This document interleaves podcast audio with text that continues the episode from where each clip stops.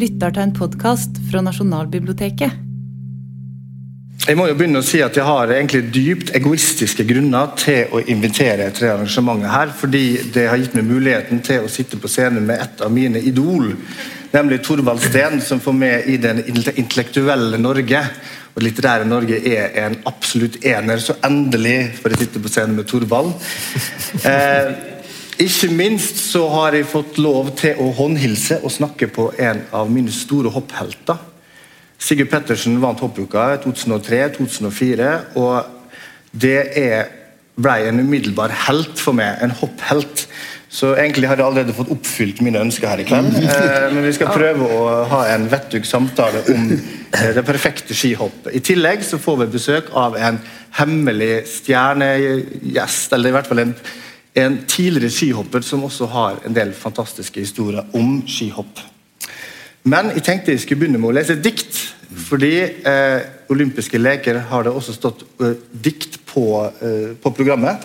Det ble utdelt eh, gull i poesi mellom 1912 og 1948. Ja.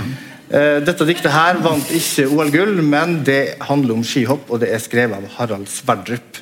Skihopp tilegnet Toralf Engan. Jeg står på stillaset, den øverste avsats er min. Jeg glemmer min trening, jeg glemmer mitt tilskuerskinn. Den sløve, forsirede skjønnhet er ikke mitt mål. Jeg søker en rovfugl lett gratie som gjemmer sitt stål. Barbarisk, forødende kraft uten anslag til kunst forsøker jeg utfri meg fra, dog er skihoppet brunst. Jeg glemmer hvert råd og forkaster min siffer fornuft. Nå vet jeg med hjertet jeg drømmer den kjølige luft. Jeg kobler meg til og fornemmer mitt kommende hopp. Jeg føler en landskapsprofil med hele min kropp. Jeg blir i balanse. Jeg løper til sats på signal. Først mykhet og avslappet rytme. Hver feil blir fatal.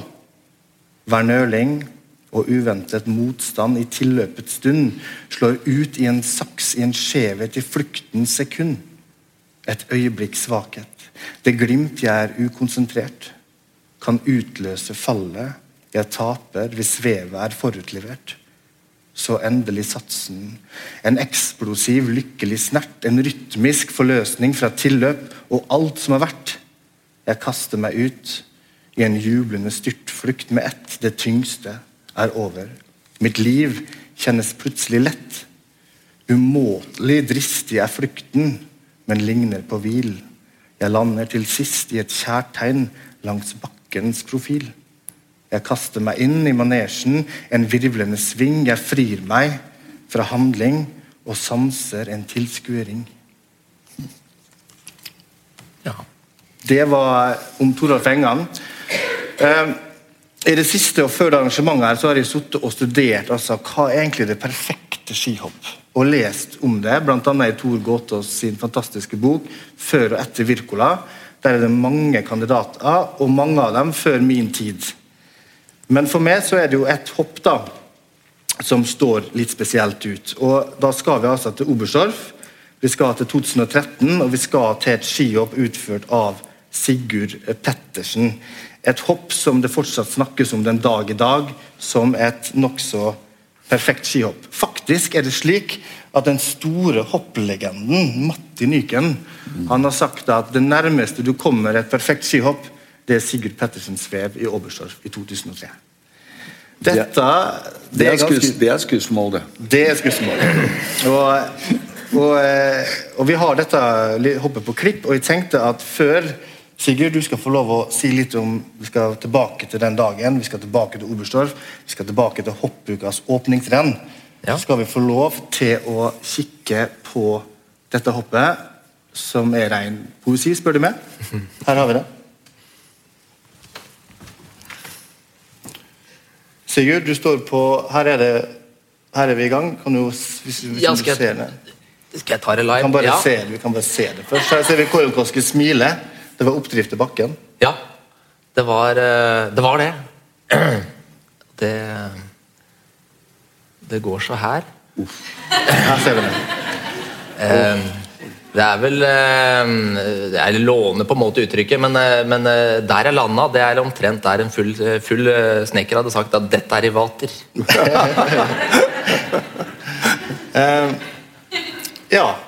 Men vi kan, mens vi ser dette her nå i litt reprise, kan du ta oss med tilbake til den dagen? Fordi dette var det første rennet i hoppuka. Og uh, kan vi bare begynne med den dagen? Hva skjedde egentlig i Oberstdorf? den dagen? Ja, nei, hva som skjer? Um, ja, det er mange ting en husker, men, men uh, kanskje det mest sånn essensielle er det at uh, en er uh, lett og glad til sinns. En har en god følelse med både seg sjøl og hvordan liksom, hoppinga har gått. og og, og, været er fint, det er vinter, det er litt sol osv. Og, så og så er det sånn at um, ja, nervøsiteten og alle disse andre tinga som liksom på en måte kan spille inn, de, de, de eh, er eh, egentlig under kontroll. Mm. Eh, prøveomgangen, da setter jeg egentlig bakkerekord da òg. Eh, så førsteomgangen blir liksom en sånn derre Ja, ok, dette her er liksom det verste, på en måte.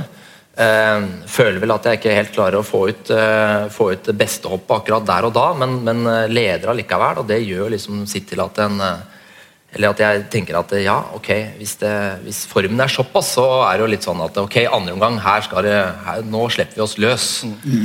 Og det, det gjør jeg. Eh, jeg ser jo at, eh, at uh, trenerflagget til Mika Kojonkoski peker liksom mot meg. Mm. Betyr oppdrift. Jeg må jo liksom på en måte både Man ser jo, men jeg må liksom småflire for meg sjøl. Jeg slipper bommen og finner da den posisjonen jeg skal ha. Eh, men det er da akkurat eh, der og da eh, så, så, får jeg da til det jeg er god for. Altså Jeg får til et hopp som liksom er på en måte maks av det jeg liksom har gjort egentlig på trening og ja, i alle andre sammenhenger. Det som er viktig å få fram i forhold til det greiene der, er det at det å altså, Satsen i et sånn type hopp da, det er omtrent som å på en måte prøve å løfte en, løfte en tung gjenstand. Altså, du tar i såpass at du du ser ingenting. altså Det er helt svart. Du, du, du får et blackout, nesten? Ja, du får en blackout. og det er, eh, det er rett og slett fordi du tar i. altså Det er ikke, det er ikke sånn der eh, tjohei, og så var vi ferdig. Eh, det er, det er et sånt lang, lang, langdrag, eller magadrag, for å mm. bruke det uttrykket, der du tar i alt det du eier og har, og, og plutselig så er du egentlig nesten ferdig med svevet. altså Det er iallfall da jeg kommer til meg sjøl. Ehm, på, på, videoen så ser du det at jeg er ute med arma. Ehm, på en måte, ja, Ikke midtveis, så i hvert fall eh, siste halvdel av, eh, av Flappene ute for å ja, Jeg gjør en liten justering, og det er faktisk når jeg kommer til meg sjøl og ser at jeg passerer en, en oransje eh, sånn oppblåsbar greie på sida av bakken. Ja. Den ser jeg, og det gjør at jeg skvetter litt. Og så Ja, hva var det? Men eh, La oss ikke bry oss om den, og så egentlig bare prøve å, å være med så langt det går. Og, og lander, og den, den, var eh, god og tung, den landinga. Men eh, etter det så er man da selvfølgelig ja, eh, proppfull av endorfiner, rusa og, og blid og fornøyd. Mm. og det er det. Men kan du si noe om det? Altså, for det, det, som for alle er mystisk med hopp, er jo det at en hopper kan altså, Alt skjer på så utrolig kort tid. Eh, kan du si noe om hvordan følelse er det der, når alt stemmer, alt er perfekt? Kan du Går det an å beskrive hva er det som skjer på hoppkanten der? Eller er det umulig? Ja, ja, det er ikke umulig. altså Thorvald har jo skrevet mye som på en måte også stemmer i mitt uh, hode. Men det er klart det at det, Eh, ja, Fra du slipper bommen, så begynner du å akselerere veldig fort opp i fart. altså Du beveger deg egentlig 25 meter i sekundet, og det er klart at da, det, det går fort.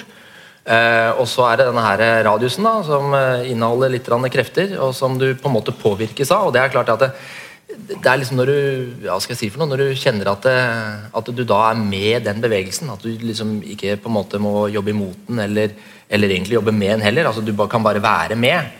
Det er da egentlig hoppkanten blir liksom en venn. Den er eh, lang og fin og god, og du har liksom alle verdens tid til å gjøre ting. Og da kommer denne her, det er da, da er det magadraget kommer. Det er da du tar i. Det er da det liksom blir en sånn slags form for blackout. Eh, og, og, det er da du egentlig våger mest. Altså du på en måte uh, kaster uh, Du kaster egentlig all, alt vett og fornuft til sida og liksom bare gjør det som, som egentlig du er i ferd med å holde på med. Altså, du er i ferd med å bli spytta ut av en kant i 90 km i timen med huet først. Men det er det mest naturlige i hele verden. Vi skal snakke mer om dette med flyt og dette med hopp, fordi du er jo insideren her. Du er den som ja. opplevde dette fra innsida, mens Torvald og vi er jo på en måte romantikere. Eller du, Torvald, er jo faktisk skihopper. Ja. Uh, og du har jo også skrevet om det som kanskje kan beskrives som ikke som det perfekte svev, men som det viktigste svevet. Mm. I, uh, I, den fantastiske boka 'Vekten av snøkrystaller' så beskriver du et skihopp som er veldig spesielt, og som du har nevnt har på en måte fått betydning videre i livet ditt. Kan du først fortelle litt om dette hoppet? Jeg skal gjøre det. Jeg skal bare må få lov til å si at hvorfor jeg syns at det skihoppet vi nettopp så, er så utrolig bra. Og det er to, to ting som vi ikke tok med. Det er at dere, Når dere ser på dette på Google seinere i kveld, så, så, kan dere se en gang til på satsen. Altså hvor ekstremt uh, kraft det er på sats. Og når eh, Sigurd ser da denne oransje gjenstanden på sida, så skjønner han at det ikke er en møtende bil. Men, eh, men han, han, setter ikke på landing. Han, han, fullfører hele svevet. Veldig mange, enten de er stjernehoppere eller amatører, vil jo da trekke seg. Men han fullfører hele svevet. Det er derfor jeg er helt enig med vår finske venn om at dette er et perfekt hopp. Det svevet du spør om med hensyn jeg var en habil guttehopper.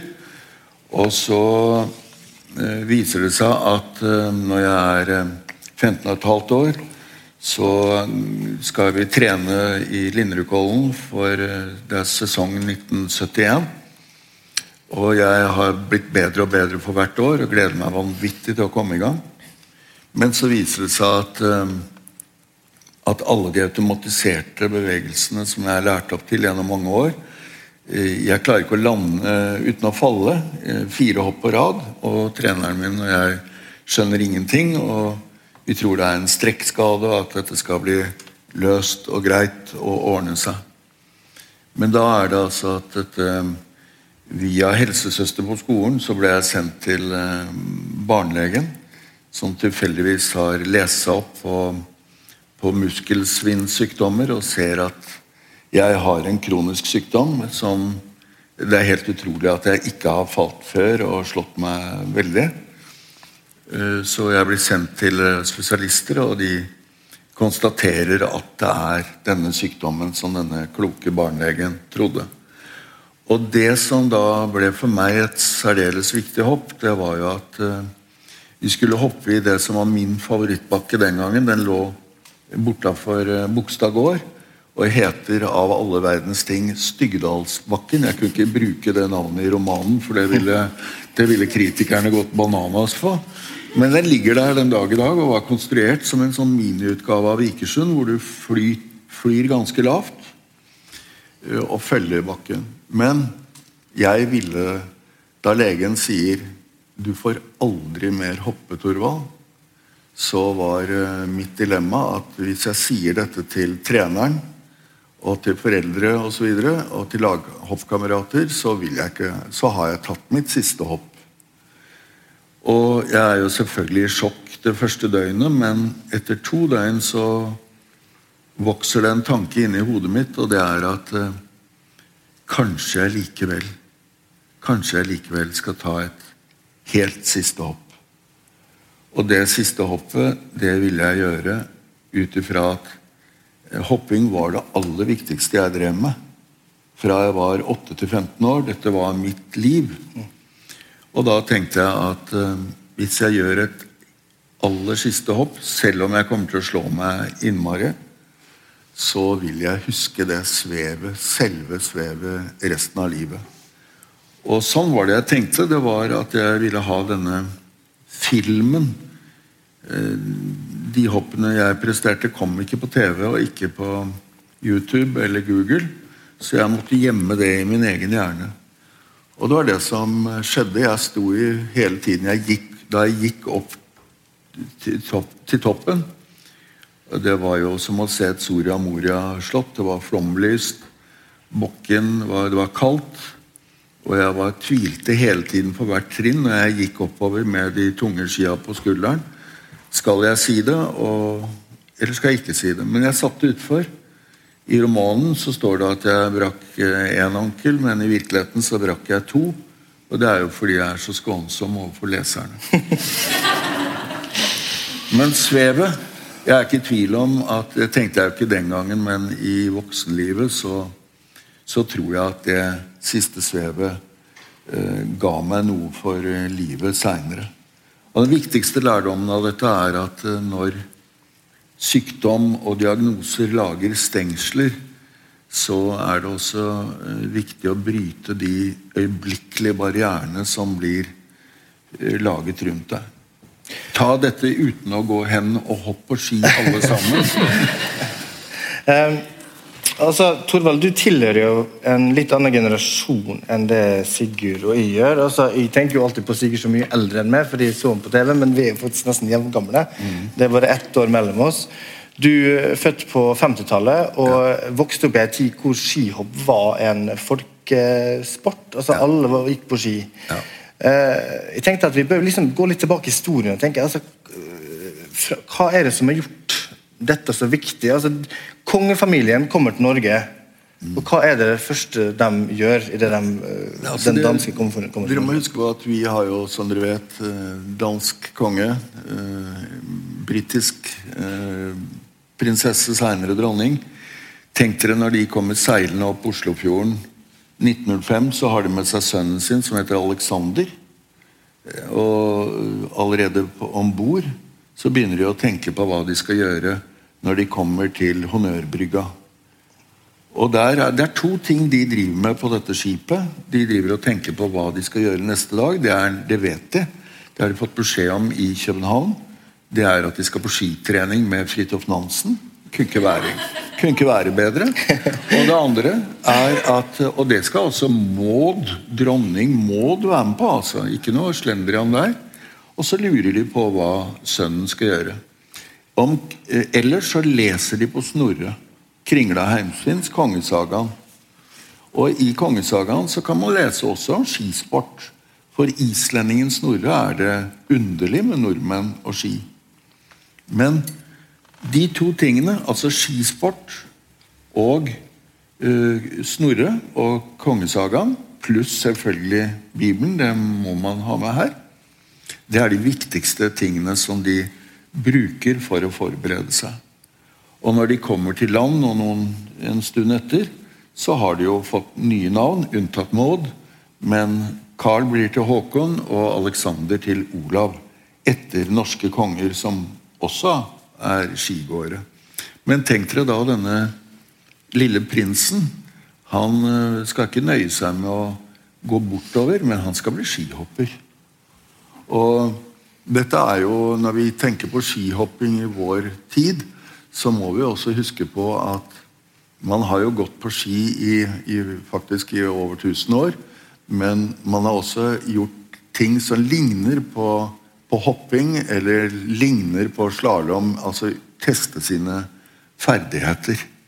Og det er umulig for en ung kongefamilie å komme til Kristiania, Oslo, og ikke tenke på hvordan skal vi bli en del av den norske identiteten. Og I den sammenhengen så har eh, hoppingen en enormt sterk eh, posisjon.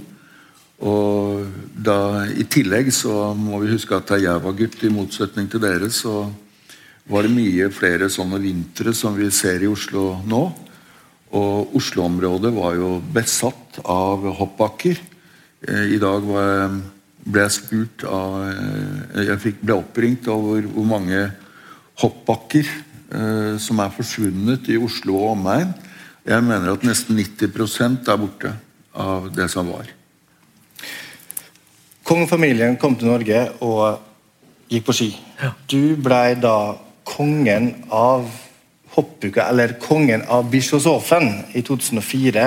Mm. Da vant du det. Du vant tre av fire hoppukrenn. Du holdt nesten på å ta en grand slam, slik Camel Stock gjorde i år. Men kan du si litt om hvordan var det du ble skihopper? For det du er født i 1980, Kongsberg.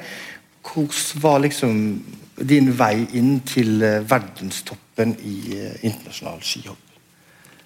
Ja ehm, Nei, jeg, eh, jeg eh, er jo heldig, da. Har foreldre som, eh, som tar meg med på ski. En pappa som er hoppinteressert.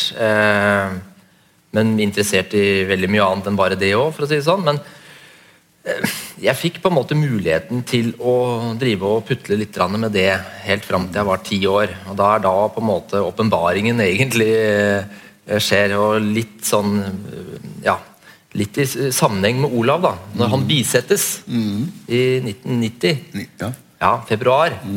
Da står jeg på toppen av en hoppbakke. Ja. Den dagen. Og så er det litt sånn at eh, ja, det er liksom så koselig å være der, og det er så artig å hoppe på ski, og det stemmer på en måte med hvordan jeg er som person. da. Det å få lov til å være fandenivoldsk eh, i noen få sekunder av gangen, og et, i etterkant liksom bare eh, Ja, være, være, være den jeg er ellers. Litt sånn beskjeden og, og, og, og så videre. Men eh, det var, eh, det, var så, det var så hyggelig og det var så bra at jeg tenkte at det her er min idrett. Dette er det jeg har lyst til å på en måte holde på med, da, hvis jeg får muligheten. Veien derifra til jeg liksom da slår igjennom som på en måte idrettsutøver i 2002 ja, Den er eh, som alle andre. Det er opp- og nedturer, og det er, eh, det er noen eh, stier en kanskje ikke burde fulgt. sånn i forhold til at, at det var et blindspor osv. Men, men den der fascinasjonen og gleden ved det å hoppe på ski, den har liksom da på en måte vært der. Helt siden da. Så, så jeg bestemte meg tidlig, men, men, eh, men eh, fortsatte å leke eh, med det. Og det er klart at det mm, Bare for å måte dra den, da. Det er Jeg har vel altså mine, mine, Min beste sånn treningsarena har faktisk vært da søndagene eller lørdagene, det kommer litt an på, men skituren i helgene sånn gjennom vinteren. Det blei gått eh, nøyaktig tre kilometer på ski uten festesmøring, for det var bare tull. Eh, og så var vi da ved en hopp, altså vi lagde en hoppbakke, eller var, eh, var ved liksom ei kneik som vi liksom hadde laga hoppbakke i tidligere, og hoppa på ski med altså løypeski. da. Og der, eh, der lærte jeg veldig mye, egentlig, ved å- på en måte det å hoppe på ski. Så det var min. Altså, hopp er jo, altså, En av grunnene til at jeg har alltid vært med fascinerende hopp, er at det er en slags øyeblikkssport, en øyeblikkspoesi, at det er stil, og at det er stilutviklinga. Eh, Jeg vet Vi har et bilde av eh, Rekknagel mm. tilgjengelig her. Og Torvald, altså du, du husker jo disse hoppstilene. altså Sigurd her hoppa jo V-stil. Det har jo skjedd litt med stilmessig siden den gangen også. Ja. Mens du uh, husker jo den tida med Walter Steiner. Og det, her ser vi da Ja, er... en eh, hoppstil som du uh, er godt bekjent med. Kan du Altså, jeg aldri jeg kom i, jeg, Første gang jeg var i Holmenkollen som tilskuer, da var Helmut Recknagel i sin ypperste form. Og som dere ser, det er parallelle ski. Strekker armene fram. Det er en, dette fins faktisk, er lett å se på Google, men det er en, en ekstrem form for eh, kroppsbeherskelse. Og da jeg så Helmut Recknagel som eh, seks og et halvt åring, da bestemte jeg meg for å bli skihopper. Og, men jeg hadde ikke sjans på denne teknikken, og den var jo heller ikke norsk. Han var jo litt suspekt, han var jo fra Øst-Tyskland. Og i tillegg så er det sånn at jeg lærte opp eh, Jeg er jo i den stilen med parallelle ski, og med armene tett inntil eh, til kroppen. Og det er jo en ekstremt farlig form for hopping òg, pga. at de er ekstremt sårbare i forhold til vind. da. Og, og særlig, særlig i Kollen var det helt eventyrlig, egentlig farlig å hoppe med veldig ofte. Så, så Boklöv skal, ha ære for eh, noe uh, ting, og det er ikke noe tvil om at i tillegg til mye annet så styrket han hoppernes sikkerhet, rett og slett. Ja. Altså, Hopp er jo også vågemot. Altså, du var inne på det at du Sigurd, ser på deg sjøl som en litt beskjeden person, men i et, noen sekunder så får du lov til å på en måte være den som utfordrer naturkreftene. Eh, hvis du ser på dem som hopper i dag Vi er jo i ferd med å gå inn i et OL. Vi, skal ha, eh, vi har konkurranser som skal foregå nå snart. Vi har både gullhopp, på særlig på kvinnesida, men også på herresida. Hva, eh, hva er det du, Når du ser Tande eh, hoppe ut til VM-gull i, eh, i eh, s, Unnskyld, nå har jeg glemt hvor det var eh, skiflygings-VM. Oberstdorf. Oberstdorf. Hva, hva er det du ser da? Hva har forandra seg siden de tid? Hva er det som slår dem? når du ser Tande ute i svevet der? Eh, Ja. Å ja ehm, Nei, det er jo Det, det, er jo hele tida sånne småting som egentlig er i den retningen som du prater på. altså Det blir mer og mer sikkert. da. Mm. Det har med egentlig at, eh, at kunnskapen og, og sånn sett utstyret hjelper eh, utøverne med å, liksom, å få den der overgangen fra sats til svev eh, mye mer ja, på en tryggere måte. da. Og Det gjør det mer effektivt, selvfølgelig, men det er klart at det, det er der vi er.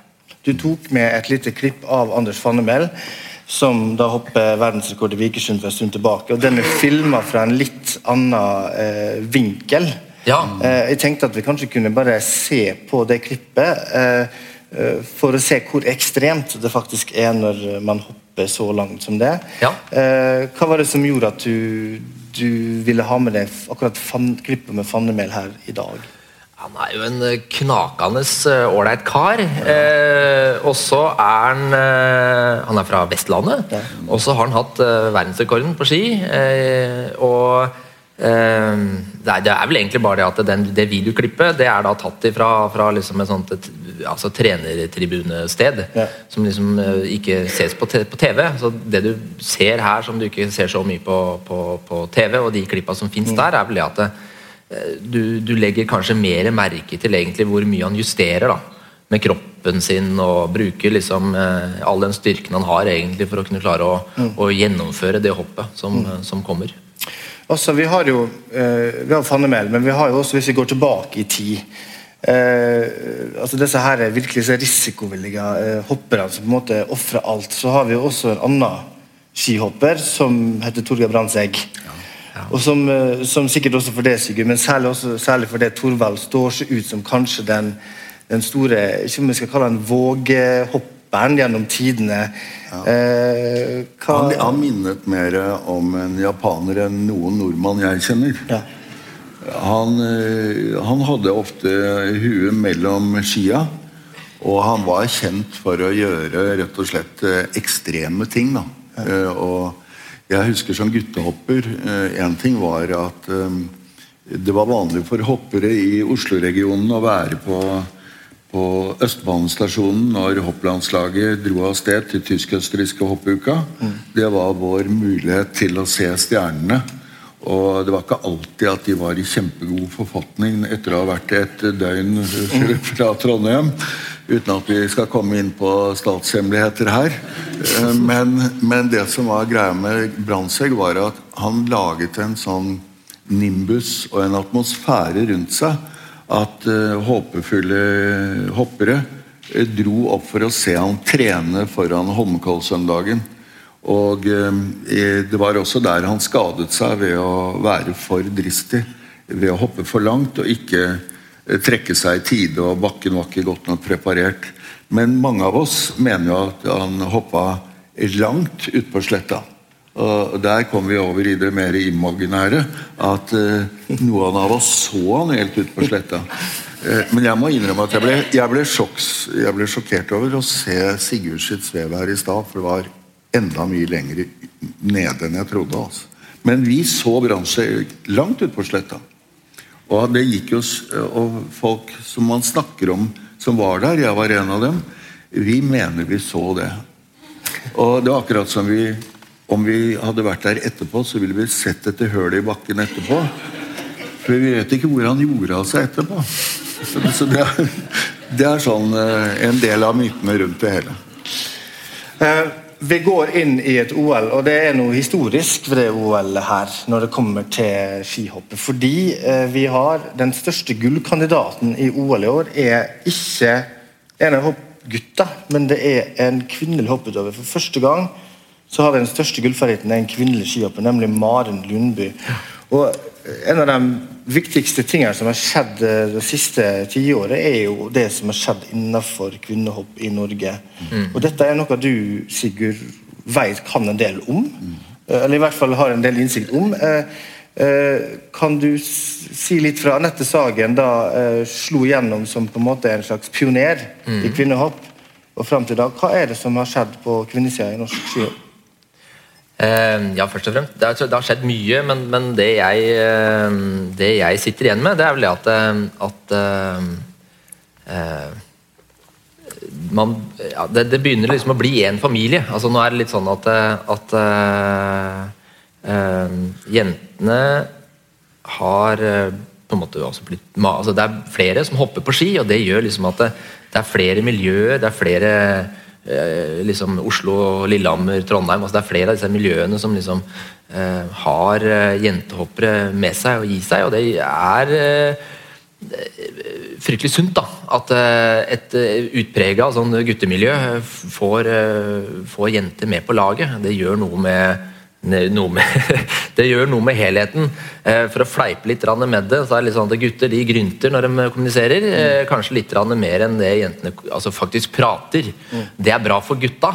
Eh, og så er det litt sånn at jentene de har jo da på en måte ja, etterlyst det her og, få lov til å på en måte ja, bryne seg litt på, på, på, på gutta. da, altså liksom få, få være med på alt fra A til Å i fysisk trening og hopping osv. Det er klart at det, det, høres ut som man har på en måte holdt på med altså, i, i, separate leirer. Man har ikke det, men det er bare det at det, det, har liksom begynt å, å, smelte sammen. da. Er det, eh, noe, er det noe skille mellom på en måte kvinnehoppere og mannlige hoppere? Så har de en forskjellig innstilling til de hopper på ski? Vil du, vil du si at de har forskjellig lynne? Altså, eller er det, er det, helt likt? Ja, Gutta er jo mye mer tilbøyelige til å ta ting på hælen. Jentene de forbereder seg. I, altså sånn de er, det, er, det er liksom Noen skiller der. er klart at Noen av jentene kan òg ta liksom på en måte ting litt på hælen, for å bruke det begrepet. Men, men eh, jentene er eh, hva skal jeg si for noe, mye mer bestemte sånn, Når de har satt seg et mål og jobber mot det, så er de mye mer bestemte. Guttene er liksom mye mer tilbøyelige for å hive verdi, verdier og alt annet over, over ripa. Hvis man liksom begynner å møte motgang, da er det liksom litt sånn fritt spill. Og det er, eh, det er det som er så veldig bra med dette. da. Maren Lundby, jeg vet ikke om vi har et klipp av Maren. det kan hende vi har det. Eh, hun har jo fascinert det, Torvald. Og hun er jo nettopp eksempelet på en, kanskje en sånn ganske beskjeden, men utrolig målretta uh, hopper. Vi har, jeg tror vi har et hopp der hun hopper rett og slett i Hinselharten. Ja. Uh, hvem er hva er det som har gjort Maren Lundby til en så fabelaktig hopper som det hun er i dag?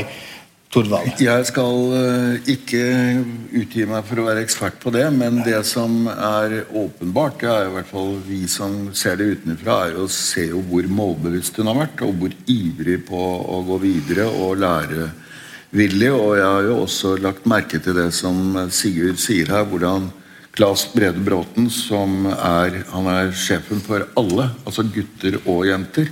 Mm. Og det er blitt mye tydeligere at de samarbeider. Men jeg eh, Når vi ser denne fremragende hopperen, Maren Lundby, så må vi også huske på forløperen. Og Anette Sagen er én ting, men jeg har hatt stor uh, nytte og glede av å se på uh, at vi faktisk har en mye lengre kvinnehopphistorie enn det vi kjenner til, ofte til i dag. Janne Kolstad er jo et, et, noe, et fenomen som dere burde lese dere opp på. Hun var 17 år gammel og, og hoppet sammen med sin 14 år gamle eh, venninne i hele Valdresområdet, som jeg har mange røtter til. Og så ble hun altså nektet å hoppe i Midtstua. Så ble, fikk hun lov å hoppe i Midtstua. Så fikk selvfølgelig aldri hoppe i Kollen. Hvilke tiår snakker vi om her nå? Ja, nå snakker vi om på 30-tallet. Eh, fram til krigen, annen verdenskrig. Og hun ble altså en kjempestjerne i USA. Hadde i 30 år verdensrekorden i innendørs skihopping. 72 meter. bygget som et enormt eh, typisk amerikansk. Innendørs 72 meter, Ja, ja, ja. Og hun, eh, hun reiste i sju år som en kjempestjerne i hele USA. Fortsatt så kan du komme Jeg har vært på eh, UCLA University Los Angeles og University of Washington. Alle der kjenner, kjenner henne den dag i dag. ikke sant? Og det, Hun er like kjent som Sigrid Undset og andre. Så det er Hun ble anerkjent, men fikk aldri hoppe i Kollen. Så Der har du Anette Sagen-historien om igjen, som heldigvis gikk jo det bra til slutt. Så det vi kan si, Anette Sagen hun har jo eh, vært en altså, så hopphistorien, Kvinnelig hopphistorie i Norge har mye lengre røtter enn de fleste av oss Yes. tenker. da. Ja, det er hovedpoenget. Så det er virkelig fortjent at prikken over i-en kommer nå. Ja.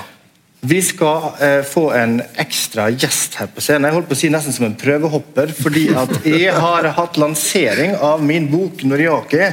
Nå skal jeg prøve ikke reklamere så mye for meg sjøl her, for det er dere som er hovedpersonene. Men det, i dag, da det var OL-åpningsseremoni, så ble det da sitert Noriaki-dikt på direkten på norsk TV, så det er jeg veldig fornøyd med. Men eh, denne boka her ble lansert i toppen av Holmenkolltårnet. Eh, og der møtte jeg da en tidligere skihopper som har hoppa der. En som tar doktorgrad i litteratur. Og som fra sitt kontor på Blindern har utsikt til Kollen. Han hadde en resultatliste med seg som han var uhyre stolt av fra sine år som guttehopper, og den skal han få lov å si litt om sjøl. Så vær så god på scenen, Tor Holt. Bare sett der. Ikke ta ikke det. Takk, Endre. Aldri blitt introdusert som stjerne. Jeg skulle nesten tro å komme en sånn superhelt med gul ledertrøye. Men det er helt sant, jeg ble litt stolt da jeg så en resultatliste fra et av mine siste hopprenn som jeg fant fram her i jula. Det sto nummer én Tor Holt Hedmark og nummer ni Sigurd Pettersen. Eh, Rollag Vegli. Så nesten som en bok som det skjer inntreffer en hendelse i ettertid, og så inntar en ny mening. Så jeg ble veldig stolt da jeg så tilbake på den jeg tror var eh, lag-NM hopptreff i 1995, tror jeg vi snakker om. Det er mange år siden, Sigurd. Ja, det, det er mange år sia. Men jeg husker, jeg husker jo deg, da. Tre- ja, det, det, som, som skihopper, og som eh, Vi delte liksom eh, eh, ungdomshopping sammen i så måte. Ja. Eh, dere to hopper samtidig. Altså, hvordan er det når man liksom er ung hopper, og det med talent i forhold til det med utvikling? Fordi slik, eller Det jeg mistenker, at det er jo det at nettopp eh, man kan være veldig god som ung, og så plutselig forsvinner formen. Hva er det som, som kreves for å bli altså, Tor, du, du, hoppa, du har ei historie fra din barndom der du hoppa bakken ned. Din far han hadde kjøpt eh, Det var ikke juks, men det var, det var et slags superutstyr til det. Ja, dette var, eh, dette var um, um, Serapulver. Det er Ja, et, ja. et fluorpulver som har sånn vannavstøtende effekt. Jeg leste faktisk et intervju i går i VG med, med Støkkel, som nå uh, samarbeider med båtindustrien for å forsøke noe, å finne noe som er enda mer vannavstøtende for å få optimal glid i sporet. Så dette var mitt sånn brannseggeøyeblikk. Det var min far som kom altfor sent hjem fra jobb, uh, sa han. Uh, mor satt hjemme og venta, men pappa hadde reist til Elverum for å kjøpe sånn Serapulver. Og dette var en av de første årene det var på markedet, og det var ingen tolvåring i hoppbakken som hadde Serapulver. Så det kostet 1300 kroner for en boks. Han kjøpte nye koster og papir, og det var ett renn igjen på hele terminkalenderen. Og litt Foranledningen var at jeg hadde blitt nummer fire i et renn hvor en hopper som het Skovseth fra Eidsvoll ble nummer tre. Og da var det litt sånn lokal rivalisering. Jeg var fra Kongsvinger, han var fra Eidsvoll. Jeg tror kanskje fedrene lå litt sånn i Rivalisert litt også. Så det husker jeg at det var i Dal, i en K40-metersbakke, da, hvor min far ikke klarte å holde seg, så han børsta inn det Serapulveret. Så der alle hadde dårlig fart, så kom jeg som en kule. Og hoppet 47 meter. Det var tre meter over bakkerekord, og jeg så ikke granbaret. Så mens jeg da ligger bevisstløs i overgangen med knuste Carrera-briller og blodet renner, så står min far på kuren og applauderer. Så det må jo Litt galskap må til for å få de lange svevene, Sigurd. Ja, det, det stemmer.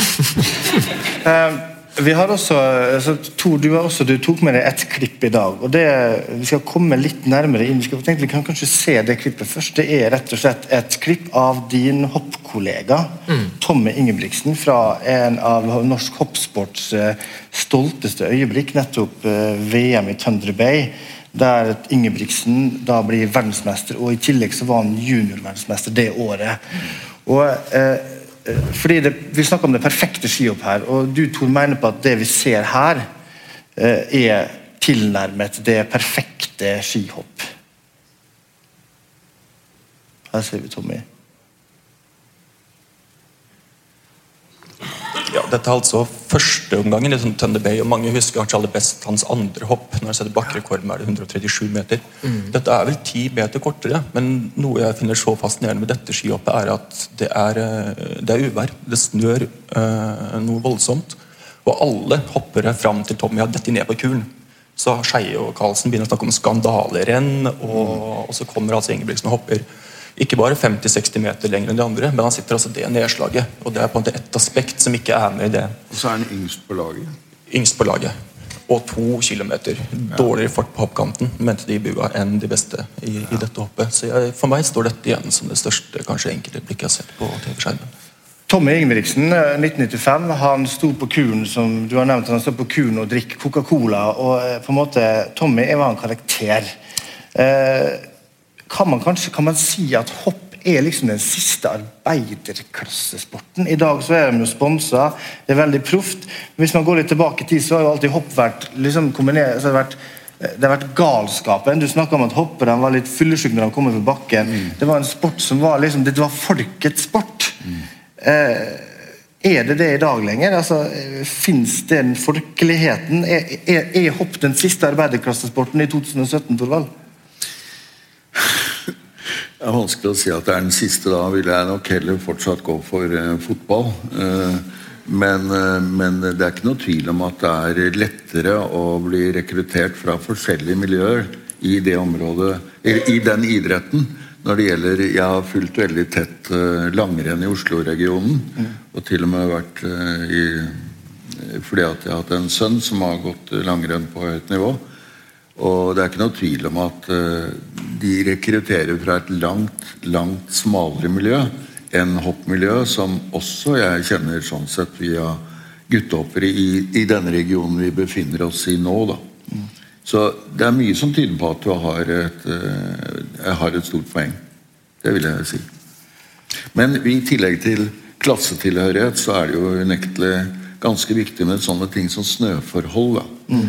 Og der, um, der er vi veldig rammet, vi som elsker skihopping. Når den blir borte, så blir det et eventyrlig eh, lite grunnlag å rekruttere fra. Men jeg må fortelle en søt historie om noe som skjer én gang i året, nemlig på bursdagen til noe som ikke kan kalles eh, arbeiderklassehoppere, nemlig rallyhopperen Bassen Prytz fødselsdag. Yes. Jo vi har, tror kanskje vi har et bilde av ham. Han, han, gjennomførte et helt fantastisk svev i Vikersund som han fikk fem ganger 20 for i stil. Ja. Han døde veldig ung, 49 år gammel, mens hans hoppkamerater, mm. eh, som bl.a. William Nygaard og Johan Hagelsten og mange mm. andre, de samles, eh, og Jan Petter Devor, samles en gang i året på bursdagen hans mm. for å se dette svevet. Og så skåler de for sin gamle venn. Jeg syns det er ganske vakkert. Mm. Jeg, må jo si det at jeg har skrevet en artikkel som i Dagbladet som heter 'Det perfekte skihopp'. og Der nevnte jeg Toralf Wengan og nevnte Sigurd Pettersen og jeg nevnte eh, Funaki. Men da ble jeg oppringt dagen etterpå av en mann som var på julebord som var rasende sint fordi at jeg ikke hadde nevnt Bassen Brytz sitt hopp i Vikersund. Det var en direkte skandale, og da kunne jeg ikke skrive om ski om hopp. Mm. Eh, har du glemt Tullin Tams, vil liksom oldeparet ha sagt. Eller Heidar Andersen. Så det, det kan du holde på i evigheter. Skihopp var jo norsk, er jo en norsk disiplin, og det er jo på en måte en norsk idrett. Men det skjedde jo noe med da du kom inn på landslaget, fordi at du fikk jo en utlending som trener. altså Du fikk Mika Kojonkoski. Du, du, kan du ikke fortelle litt om historien der Mika tok det ut på, på landslaget, norske hopplandslaget? Ja, nei eh, norsk hoppsport lå nede med brukket rygg. Vi ble slått av eh, Korea, Sør-Korea i laghopp i Salt Lake City, OL. Så det var ganske smørt. eh, og så um, Jeg hadde bestemt meg egentlig for å legge opp, så jeg uh, flytta fra Lillehammer til flytta hjem en liten periode og forberedte meg da til til studier eh, på idrettshøyskolen. Og så, i denne perioden da jeg hadde liksom bestemt meg for å legge, opp, så får jeg en telefon, og så er det litt sånn Sigurd, ikke gi deg nå. Du må trene i hvert fall noen uker til, for det kommer, eh, kommer en audition. Um, og den audition den er da iscenesatt av Mika Korenkoski, og jeg stiller opp, hopper. Han ser litt på grunnlaget sånn i forhold til uh, fysisk stand og mental helse. Og, og, plutselig så var jeg på landslaget. Og da den eneste eh, av åtte den gangen som ble tatt ut på landslaget, som ikke hadde vært på landslaget i foregående år. da. Eh, eller på A-landslaget i det hele tatt. Ifra det uttaket, og, og som da spoler fram fem, fem måneder, fem-seks måneder, ja, fem måneder, så står jeg i Granåsen og har vunnet ikke bare det første worldcuprennet på gud veit hvor lenge for, for, for, Norge, da, men også med gul ledertrøye i worldcup. Og det er klart det at eh, ja, det, var på en måte, det er veldig sånn ensbetydende da, med på en måte den, den, det, det, Mika betydde akkurat i den fasen. Han klarte liksom å samle Hopp-Norge. Eh, vi eh, hadde klart å gjøre oss, eller gjøre hverandre da, til eh, om ikke fiender, så i hvert fall til uvenner med egentlig bare en tanke om at vi, så lenge vi var best i landet, så var det bra. I stedet for å være best i verden. Så det er klart, eh, det var, eh, det var den, den settinga. Eh, men ja jeg vet ikke hva mer jeg skal si, egentlig. Nei, Jeg vil bare stille spørsmål videre til Tor. fordi at I dag så har vi jo nok en, en utlending som hopptrener. og det er jo, eh, Hvis vi ser på Finland Finland sin hoppsport ligger nede med brukket rygg. Det har blitt sagt at Finland nekter å ta inn folk fra andre impulser fra andre land. Men Støkkel eh, Tor har jo på en måte revolusjonert litt det norske hopplandslaget. Vi er nå, selv om vi kanskje ikke har en ener, vi går inn i OL som favoritt til lagkonkurransen i hvert fall. Eh, hva tenker du om, eh, om Støkkel sin på en måte, innvirkning på det norske hopplandslaget? Hva er det han har gjort som har gjort oss så gode? Det kan vel Sigurd svare vel så godt på som meg, tenker jeg. Men jeg, jeg er veldig imponert over hvor, hvor, si, hvordan han begrunner eh, altså sine valg og metoder og strategier, gjerne i vitenskap. Han virker veldig vitebegjærlig altså oppsøke ny kunnskap der det ikke har tilfalt skihopping ennå. Det går på smøring, det går på vindtunneler i forhold til hvordan hoppdressen er sydd, og hva som er mest aerodynamisk um, flytestilling etc. etc. Der husker jeg du var veldig flink, eh, Sigrid. Jeg husker deg som en stilhopper. Veldig sånn flott i svevet. Ja, takk. Um, men, men, men, det virker som Støkkel er, er veldig hva skal detaljorientert. Og at han er veldig vitebegjærlig og nysgjerrig. Og hele tiden vil drive hoppsporten fremover. Det tror jeg må være det viktigste. Har du jeg hørte rykter om at det har inngått en avtale med et norsk nei, båtfirma om, om, om, om drakk? Kan du si litt om det? Ja, altså det jeg leste var da jeg kom på denne Serapulver-historien også. Um, og Det er egentlig samme prinsipp. altså Vi forsøker å få uh, best mulig glid på skiene. Uh, og Der har båtindustrien visstnok utviklet et eller annet middel som er enda mer vannavstøtende. Um, og Det er jo dette seriepulverets effekt, at det har en sånn vannavstøttende virkning. Så, nå, så, han er visst i, i, dialog der med, med, selskaper og den beste vitenskapen. Mm. Torvald Støkkel, du har jo også latt deg fascinere. Han har kommet inn og gjort mye med norsk hoppsport. Hva, hva, hva, hva, representerer han for det, denne østerrikeren? Altså, hvem skulle tro at vi skulle få en østerriker som hopptrener? Det er nesten som om Molde skulle fått en eh, RB Nilsson Eggen som fotballtrener. Eh, Nei, jeg tror, eh, jeg tror, eh, grunnen til at jeg syns at at han har kommet så langt, det ene er jo at det var ganske imponerende at han kom inn etter Mika Kojankowski. Og Kojankowski hadde jo en enorm løft, i hvert fall de første årene, og, og fikk fram sånne som Sigurd osv. Men denne Støkkel har en For det første har han gjort noe som etter min mening er utrolig viktig. Han har lært seg norsk. Og eh, når du skal eh, instruere eh, noen som skal lære noe som er så detaljorientert som å hoppe på ski, så er, kan man ikke komme unna at språklige delen er ekstremt viktig. I mitt tidligere liv så, så jeg, drev jeg med såkalt mesterlæring når det gjelder å lære folk håndverksfag. Sånn gjelder det jo i høyeste grad også når du skal lære f.eks. en annen person å sparkle. Jeg har uh, fagbrev som maler. Når du skal drive med idrettsøvelser, så må du også kunne uttrykke deg verbalt og godt på godt uh, på språket. Du kan si generelle ting på andre språk, men uh, når du skal virkelig komme et steg videre, så er språket fryktelig viktig. Mm. Og, og, så tror jeg at det har veldig mye å si at han har stor grad av overskudd og åpenbart trives i, i, det landet han nå bor i. Og er ikke en, en pendler på, i hodet og ellers som Kojankowski var eh, Han gjorde en kjempejobb, men til slutt så ble det for mye, tror jeg. Støkkel har det bra, eh, og det, det, oser, det oser han av, og det smitter over på hoppere. Det er jeg ikke tvil om. Sigurd, er dette noe du eh, ja, nei, jeg vil det, det han for meg er en ener på, det er det at han har et veldig sånn tydelig verdigrunnlag. Altså han Han, eh, han, er opptatt av folk, utvikle folk, altså utøvere som han har foran seg. og Det gjør han ut ifra det verdigrunnlaget. altså Hvis du på en måte trår utafor det verdigrunnlaget, som altså ikke bare hans, men som er felles eh, fundament for hele, hele gjengen, så er det at da blir man korrigert. altså Det er litt sånn oppdragerfunksjon.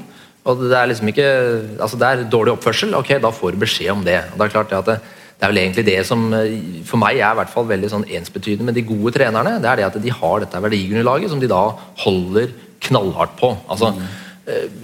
Hvis du begynner å falle i den retninga at, at individer kan begynne å gjøre litt sånn som de sjøl vil, altså kunne kanskje være litt ufordragelige eller øh, ja, ja, gjøre det de sjøl ønsker, Eh, så faller iallfall det interne korthuset innad i et sånt team og et lag sammen. Mm. Og, og, og, da er det egentlig ikke noe igjen. Altså, det er jo ingen, det er ingen eh, altså, Det er jo aldri noe, noe, noe, ved i ommen, for å si det sånn. Altså, det er liksom Den positive energien du bringer inn i, inn i, et lag, inn i en bedrift eller hva som helst, eh, den, den skal på en måte være fundamentert i forhold til det. Da, da hjelper ikke at noen begynner å fyre, fyre opp et bål utafor ommen. Liksom.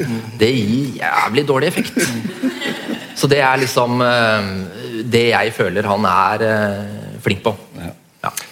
Vi står i hvert fall overfor et ganske spennende OL. Vi har gode medaljesjanser. Jeg tenkte at vi på en måte avslutningsvis må vende litt tilbake til det som er tittelen for dette arrangementet, her, mm. som nemlig er det perfekte svev. Og Vi har jo vært litt inne på det. Eh, Tor har jo snakka om Tommy Ingebrigtsen. Eh, Sigurd sitt hopp har vi jo nevnt mange ganger her, men jeg tenkte at jeg hadde lyst til å innlede til en slags avslutningsreplikk fra samtlige paneldeltakere, der dere skal få argumentere for det perfekte skihopp, både fra en estetisk og et teknisk synspunkt. Og eh, jeg tenkte at jeg sjøl skulle sette litt standarden, for jeg har nemlig skrevet eh, om en hopper som heter Funaki. Og I 1998 så, så jeg noe som forandra livet mitt. Dette her var altså da før Sigurd sitt monstersvev i Oberstdorf, vel å merke. Og Det var rett og slett Funaki sitt eh, svev i OL, der han vant OL i Hakebabakken i, i, i, 1998. Og Jeg tror svevet fins på skjermen også. Eh, men jeg kan ta og i hvert fall lese hva jeg har skrevet om dette hoppet her. Det hoppet det står i boka Den tysk-østerrikske poesiuka under P for perfeksjon. Utsøkte Kasiyoshi Funaki ble tidenes første V-stilhopper med 3 ganger 20 stil da han klinsjet olympisk gull med 136,5 meter på hjemmebane i Nagano i 1998. Hoppet er ekvivalenten til det rumenske Nadia Komenesh sin perfekte skrankeøvelse under OL i Montreal i 1976. YouTube-klippet av hoppet burde vært stilt ut som fast videoinstallasjon i Japans nasjonalmuseum. Så det er altså mitt bidrag til det perfekte svevet. Torvald, ett hopp som du kan få lov å ta med deg inn i etterlivet. Hvordan hopp er det, og hvorfor? Jeg, ehm, må svare litt uh, filosofisk. Har, vi har hørt strålende hopp her. Jeg mener at det perfekte skihoppet og det perfekte svevet, det gjør vi i hjernen. Rett og slett. Punktum. Altså Det er noe som Det fantastiske med de svevene du gjør når du drømmer, når du ser disse svevene vi har snakket om, det er at du legger til en del meter. Uh, og du legger til også en enda mer perfekt svev og en enda mer kraftfull uh, sats. Og uh, det svevet du Det at du sitter på oppkanten og er som en spent polarpanter. Og så, så kommer satsen, og så er det selve det å sveve i det som er noen sekunder, men som i hjernen, strek drømme, er mange minutter. Det er det perfekte svevet. Så de gjør vi i hjernen. Og det som er det fine med det, dere, det er at det kan vi alle gjøre. Eh, selv når vi er langtidsskade, eh, sånn som jeg er. Og, og, eller sånn som i kveld, når vi ikke har trent så jækla mye på forhånd. Skal vi følge opp det? Ja. Eh, Ja, nei uh, ehm, Jeg skal ta faktisk eh, eh, Her for en eh, søndag noen uker, helger tilbake, så er det en skolebakke ved der jeg bor, som, som, ja, som er i, i drift. da. Og så ser jeg da noen barn som, som bruker den bakken etter, på, måte, på sin måte. Det De gjør er at de bruker akematter, og så står de på knærne. og så Idet de liksom passerer kanten, så, så retter de ut kroppen, og så svever de, og så lander de på dette her ake, akematta. da. Den gleden de hadde, det er eh, Ja, det er liksom litt i samme ånden, altså. Det er liksom de, de eh, altså Det som er så flott med barn, er jo at de er eh, Altså, De har ingen, ingen sånne forestillinger eller barrierer om egentlig hvordan ting skal være. Så De bruker den bakken akkurat sånn som det de kan der og da. Og, og de fikk, fikk noen fantastiske svev. De hoppa faktisk fryktelig langt på den måten. Eh, det er ikke for voksne, det er jeg helt sikker på, for der er liksom knær og alt det andre liksom ikke akkurat konstruert for den typen aktivitet. Men det var eh, Ja, det var eh, topp. Også et veldig fint svar. Ja, så nå er det det, Tor. Hva Vanskelig å konkurrere med, med de svarene der. Um, jeg hadde egentlig veldig lyst til å snakke om Aune Planica, men jeg tror hun ombestemmer meg. Jeg hadde en hoppvenn som ble juniorverdensmester. Hans navn var Wilhelm Brenna. Han, eh, han var fryktelig tøff i hoppbakken. Um, og vant nesten hvert eneste renn i alle aldersbestemte klasser. Eh, men han hadde det mentale. Han hadde fått nye ski, nye Fischer-ski som faren hadde kassebil. Vi skulle opp i Renabakken, hoppe i K90-bakken der. Og da hadde det vært så varmt bak i denne bilen. Og disse nye skiene tålte ikke det. Så det kladda under skiene til Wilhelm da han kom i overgangen til hoppet. Så han måtte jo slå kontra og gikk trill rundt over kuren to første hoppene. Uh, før hans far da fant at disse skiene måtte kjøles ned i snø. Og Der satt det en sånn forslått sønn og så mente da faren at disse skiene var klare, så han tok med skiene opp. og Jeg, jeg husker jeg stod i stolheisen og så på hans tredje hopp. og Da hoppa han langt over K-punktet. Altså Uten å bevege en finger i lufta. Nedslag. Og da Jeg jeg tror det er enkelthoppet som imponerte meg mest. Og da var jeg sikker på at han kom til å bli en utrolig god skihopper. Kan man eh, på en måte konkludere med at eh, det perfekte skihopp det er et eh, mentalt vågestykke som som regel gjøres i drømme? Jeg tror det er kanskje oppsummeringa her i dag. Vi har holdt på en times tid. Vi har snakka litt om skihopphistorie og litt om hva et skihopp kan være. Man kunne sittet her i mange mange timer til og snakka om skihopp. Det er det ingen tvil om. Eh, jeg vil eh, veldig gjerne takke Torvald Steen for å ha kommet hit i dag for å snakke litt om dette temaet. Eh, ikke minst Sigurd Pettersen, som jo er en norsk hopplegende. Og som nok Det skal en del år til, til før den rekorden i, i Oberstdorf blir glemt, for å si det sånn. Tor Holt, som hoppa i Kollen i sin tid i en voldsom vindkule og landa og overlevde. Og i dag jeg studerer, tar doktorgrad i litteratur. Eh, Jeg vil også takke alle dere som kom hit i dag. Eh, Veldig hyggelig å se så mange mennesker. Jeg ønsker dere en godt OL og gode hoppkonkurranser. Oss, eh, vi heier på selvfølgelig på Maren Lundby og på det norske hopplaget. Og med det så ønsker dere alle en god fredag. Takk for oss.